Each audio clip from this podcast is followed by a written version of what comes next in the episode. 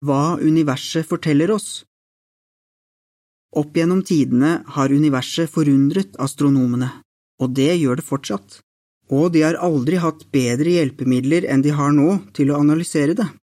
Hva har de oppdaget? Universet er satt i system. Galaksene er ikke spredt tilfeldig utover himmelen, men danner et nettlignende mønster, ifølge en artikkel i bladet Astronomy. Hvordan er dette mulig? Forskere tror at hemmeligheten ligger i en usynlig masse som kalles mørk materie.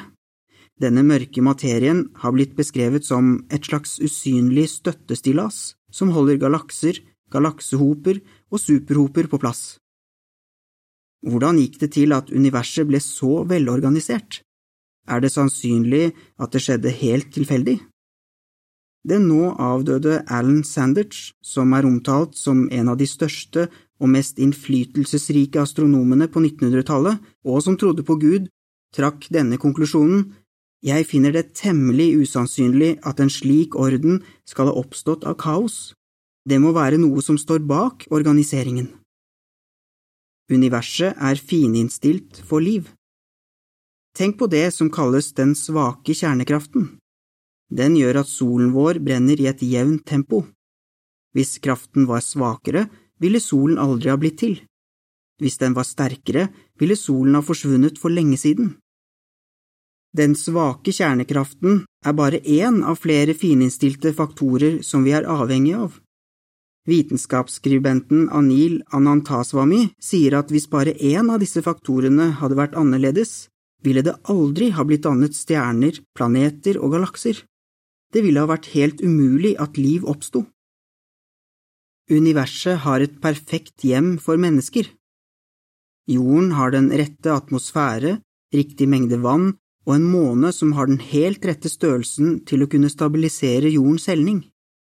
Vårt innviklede nett av geologi, økologi og biologi gjør at denne merkelige store steinen, jordkloden, er den eneste innen rekkevidde som er den helt ideelle for mennesker, skriver National Geographic. Fotnote den artikkelen i National Geographic som dette sitatet er hentet fra, forsvarer ikke det syn at Gud skapte jorden og menneskene. Den handler om hvordan jorden er det ideelle hjem for menneskene. Artikkelen fortsetter.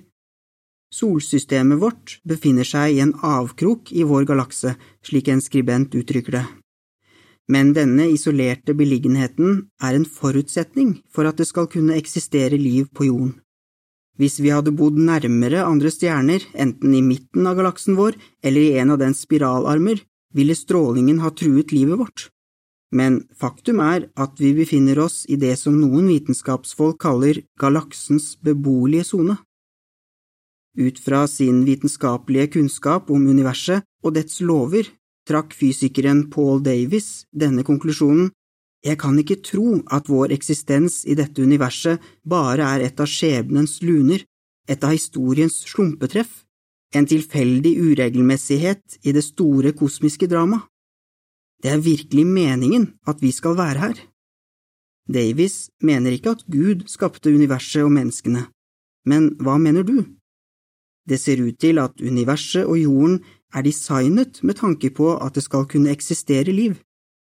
Kan det være at det ser slik ut fordi universet og jorden ble designet? Tenk over dette. Aviser og værtjenester angir det nøyaktige tidspunktet for når solen og månen kommer til å stå opp og gå ned. Hvis disse opplysningene er laget av noen, hvem var det da som laget de astronomiske lovene som disse opplysningene er basert på? Artikkelen slutter her.